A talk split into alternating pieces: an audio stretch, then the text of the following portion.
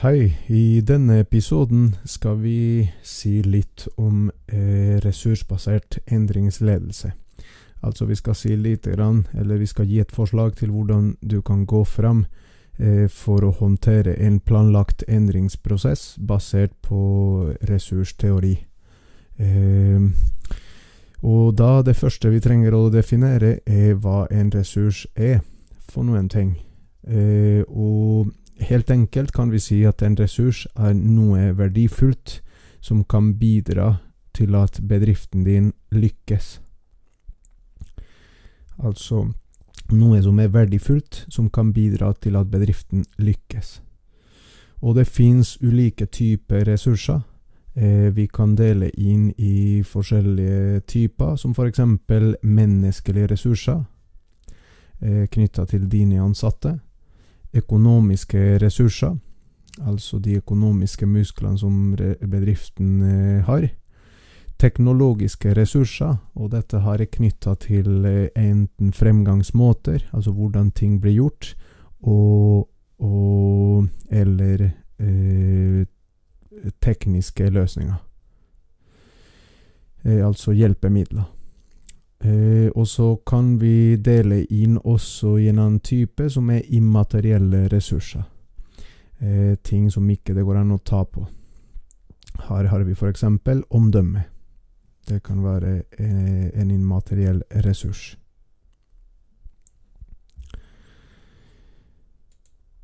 Så hvordan eh, kan vi gå fram for å håndtere eh, en planlagt endringsprosess av denne typen? Vi foreslår her fire trinn, hvor du starter altså med å kartlegge dagens situasjon knytta til ressurser. Hvilke ressurser har vi i dag?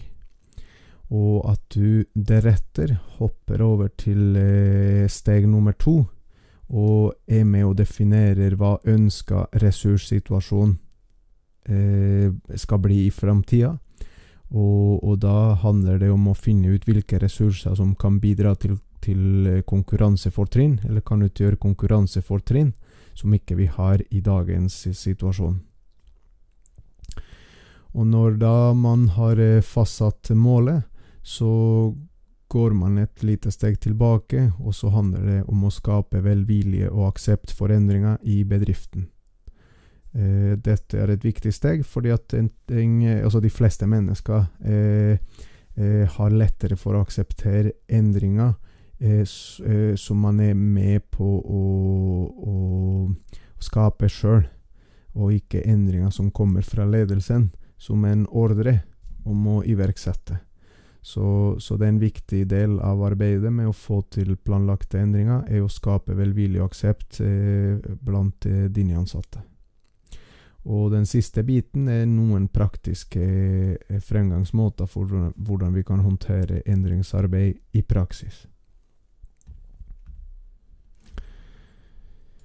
Da går vi, på, går vi, over på første steg, som er eh, dagens ressurssituasjon.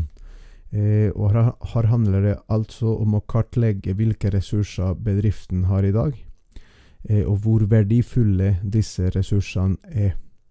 Eh, til det steget her går det an å bruke noe som kalles Svima-analysen. Svima-analysen består av fem bokstaver eh, som er kjennetegn til eh, ressurser som kan utgjøre varige konkurransefortrinn. Eh, S står for sjelden, eh, og med det mener vi om ressursen eh, er sjelden, og, og, at den ikke finnes hos eh, noen andre konkurrenter. sjelden i forhold til hva konkurrentene har. V står for viktig. Eh, og her handler det om eh, å finne ut om, om ressursen eh, har en effekt på bedriftens kostnader eller inntekter. Eller f.eks. om ressursen er viktig for, for kundenes betalingsvillighet. I Isvima-analysen står for ikke-imiterbar. Og det betyr at, eh, at, ressursen ikke må være mulig å etterligne eh, eh eh, av våre konkurrenter. Det må være noe som er vanskelig å kopiere eller å erstatte av konkurrentene. M i Svima-analysen står for eh, mobilisert, og dette handler om ressursen er mulig å faktisk ta i bruk, og i hvilken grad bedriften har tatt i bruk ressursen for å skape verdi. Eh, noen ganger kan bedrifter ha noen latente ressurser der som ikke er egentlig satt i system og er med på verdiskapinga. Eh, så for at vi skal kunne si at, eh, at en ressurs utgjør et varig konkurransefortrinn, så må den også være mobilisert. Og den siste bokstaven i Svima-analysen, den står for approprierbar. Og approprierbar betyr at eh, den økonomiske verdien som skapes av ressursen, må være til fordel for bedriften, og ikke for andre. Altså at, at eh, bedriften må beholde gevinsten som ressursen er med på å skape. Altså når vi skal kartlegge dagens ressurssituasjon, hvilken ressursbase bedriften har i dag, så kan vi benytte den såkalte Svima-analysen for å finne ut hvilke ressurser som faktisk utgjør konkurransefortrinn for bedriften.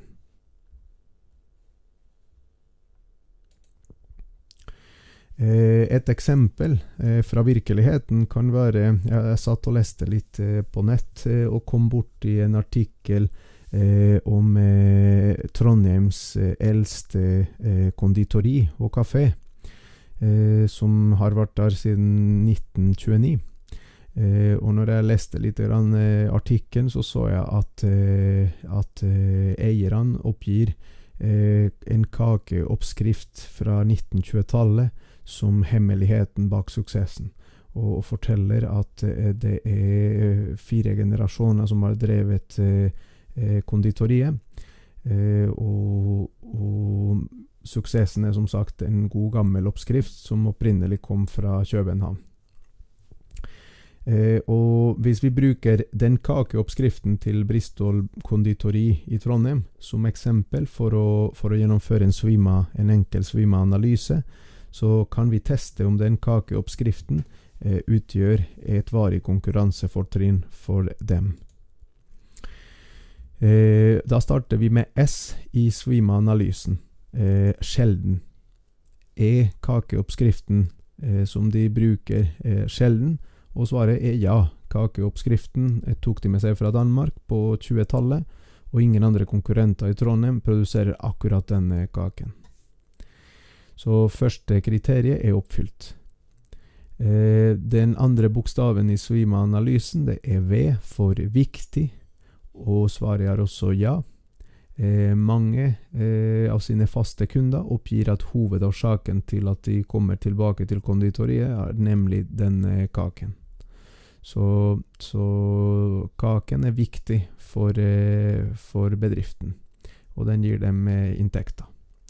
Eh, neste kriterium, neste bokstav, er I for ikke-imiterbar. Og, og der er svaret også ja. Eh, kakeoppskriften har blitt holdt hemmelig, og, og, dermed er det vanskelig for konkurrenter å kopiere. Eh, neste bokstav og kriteriet er M for mobilisert, og svaret der er også ja. Mange kunder oppgir kaken som deres viktigste kjøpskriterium, og det fører til en stabil tilstrømming av kunder. I tillegg gir sjølve kaken gode marginer, da den er billig i produksjon. Så, så eh, kaken som, eller kakeoppskrifta som ressurs er tatt i bruk av bedriften. Og den siste bokstaven er A for approprierbar, og kakeoppskrifta er, er approprierbar, Altså den er beholdt av, eh, av konditoriet. Inntektene fra både kakesalget som sådan og andre produkter kundene kjøper eh, når de er på besøk, eh, beholdes av bedriften. Så i det, dette lille eksempelet så oppfylles alle de fem kriteriene i Svima-analysen, og dermed kan vi si at den kakeoppskriften utgjør et varig konkurransefortrinn for eh, konditoriet. Hvis vi da går videre I prosessen med hvordan vi kan gjennomføre en planlagt, planlagt endringsprosess basert på ressursbasen til bedriften, så var steg nummer to eh, å kartlegge eller å definere hva som er ønska ressurssituasjon i framtida. Si eksempelvis om tre år, tre til fem år. Hva ønsker vi å ha av, eh, av uh, viktige ressurser? Uh, det vi kan kalle svima ressurser, hvis vi bruker det verktøyet. Uh, på den ene siden, eh, framtidens bilde må, må, være sånn at man eh, f.eks. velger å beholde de svima ressursene man har identifisert, og som utgjør varige konkurransefortrinn. Men i tillegg kan det hende at bedriften finner ut at, at man ikke har kanskje nok varige konkurransefortrinn Eh, og da handler det om å skaffe seg flere av denne typen ressurser. Og Noen hjelpespørsmål som er viktig å stille seg der, er hva kan vi gjøre annerledes, eller hva, hva er det vi må ha? Eh, og hvilke varige konkurransefortrinn gir det oss? Og i tillegg ikke glemme eh, at eh, å skaffe seg ressurser, det, eh, det, koster. Så å kartlegge litt hva kostnaden eh, for å få til det blir. Eh, og når man, har, når man, da har eh, kartlagt og definert eh, framtidige bilder over ressurssituasjonen, da er det som sagt neste steg å gå tilbake til bedriften og skape velvilje og motivasjon for endringer. Eh, som jeg nevnte i sted, så, så, så, er det utrolig viktig hvis du skal ha med deg dine medarbeidere på endringer, og, og, du skal, eh, og, du skal regne med å kunne få deres eh, bistand og hjelp og engasjement, så er det viktig at eh, de blir involvert i prosessen eh, og føler at de er med på å forme endringer sjøl. Da er det lettere å både godta endringer, og, og forhåpentligvis også bidra sjøl til endringer. Og her kan man møte ulike typer følelser eh, eller eh, atferd. Eh, her nevner jeg noen, eh, noen spesielle som, som, er typiske i endringssituasjoner. Eh, du kan finne det, På den ene enden av skalaen så kan, kan du finne usikkerhet og motstand. Uh, usikkerhet uh, skriver jeg her at det kan, uh, det kan motvirkes eller dempes med informasjon. Gi de ansatte informasjon om både bakgrunnen for endringer, eh, hvorfor er det nødvendig å gjennomføre endringer og skaffe oss eh, viktige ressurser, eh, og gi dem informasjon om, eh, om, prosessen underveis.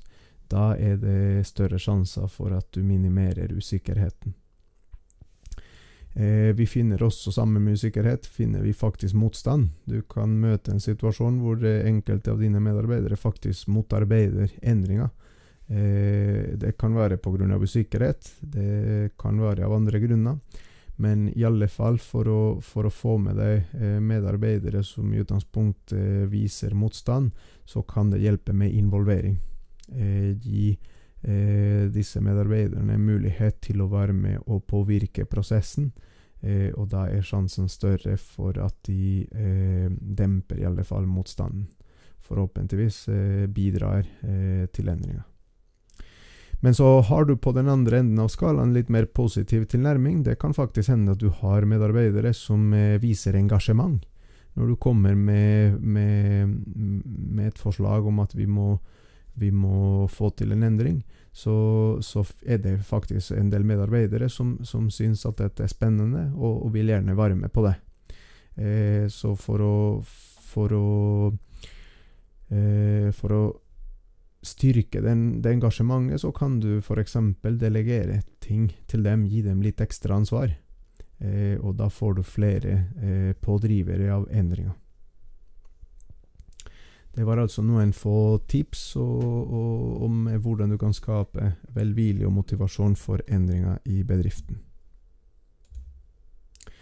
Og det siste punktet, det var litt eh, noen konkrete løsningsforslag til hvordan du kan eh, jobbe med endringsprosessen i praksis. Eh, og her nevner jeg tre eksempler. Det ene er det velkjente gruppearbeid, eller den type arbeidsform hvor du danner mindre eller større grupper, avhengig av hva det, det skal jobbes med. Eh, og lar gruppene eh, utarbeide konkrete løsninger på hvordan vi skal gå frem. Eh, dette bidrar selvfølgelig også til, til punkt nummer tre, velvilje og, og motivasjon. Eh, ellers en annen arbeidsform, det er modelleringskonferanser, eller modellering. Og det er basert på, på eh, prosessledelse. Eh, altså å, å, ta som utgangspunkt eh, å tegne eh, prosesser, hvilke arbeidsprosesser som gjøres i bedriften. Eh, F.eks. For, for å finne eh, ressurser som er viktige for å få til de ulike aktivitetene i den prosessen. Eh, det er ikke sånn at nødvendigvis at det er det du sitter igjen med av eh, tegninger av arbeidsprosesser som er nyttig, men selve prosessen underveis. Altså selve det at man sitter eksempelvis eh, i gruppa og er sammen med på å, å, beskrive de ulike aktivitetene som må gjennomføres for å fullføre en arbeidsprosess som fører til en kunde, f.eks. Eh, når man jobber med det, så kan man oppdage ting underveis, og man kan komme på nyttige ideer eh, som kan bidra til å finne løsninger. Og en litt annen arbeidsform, det er kaffemøte eller verdenskafé, eller kafékonferanser. Eh, det fins flere navn på dette her. Og, og, det handler rett og slett om å etterligne litt den atmosfæren man, man får når man sitter på kafé og, og sammen med noen bekjente eller venner. Eh, man, man, får en litt mer sånn uformell eh, eh, stemning, som gjør at eh, man blir litt mer kreativ og prater litt, litt mer åpent.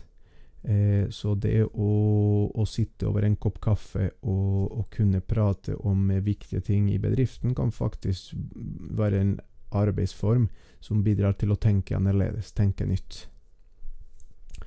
Og siste punkt i forhold til endringsarbeid i praksis er handling.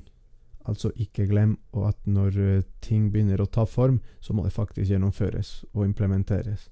Eh, det, er, det, er, ikke uvanlig at man jobber mye med prosessen, og så stopper det opp. Og, og, og det skjer ikke de siste stegene som sørger for at eh, de endringene som er planlagt, eh, blir faktisk en virkelighet.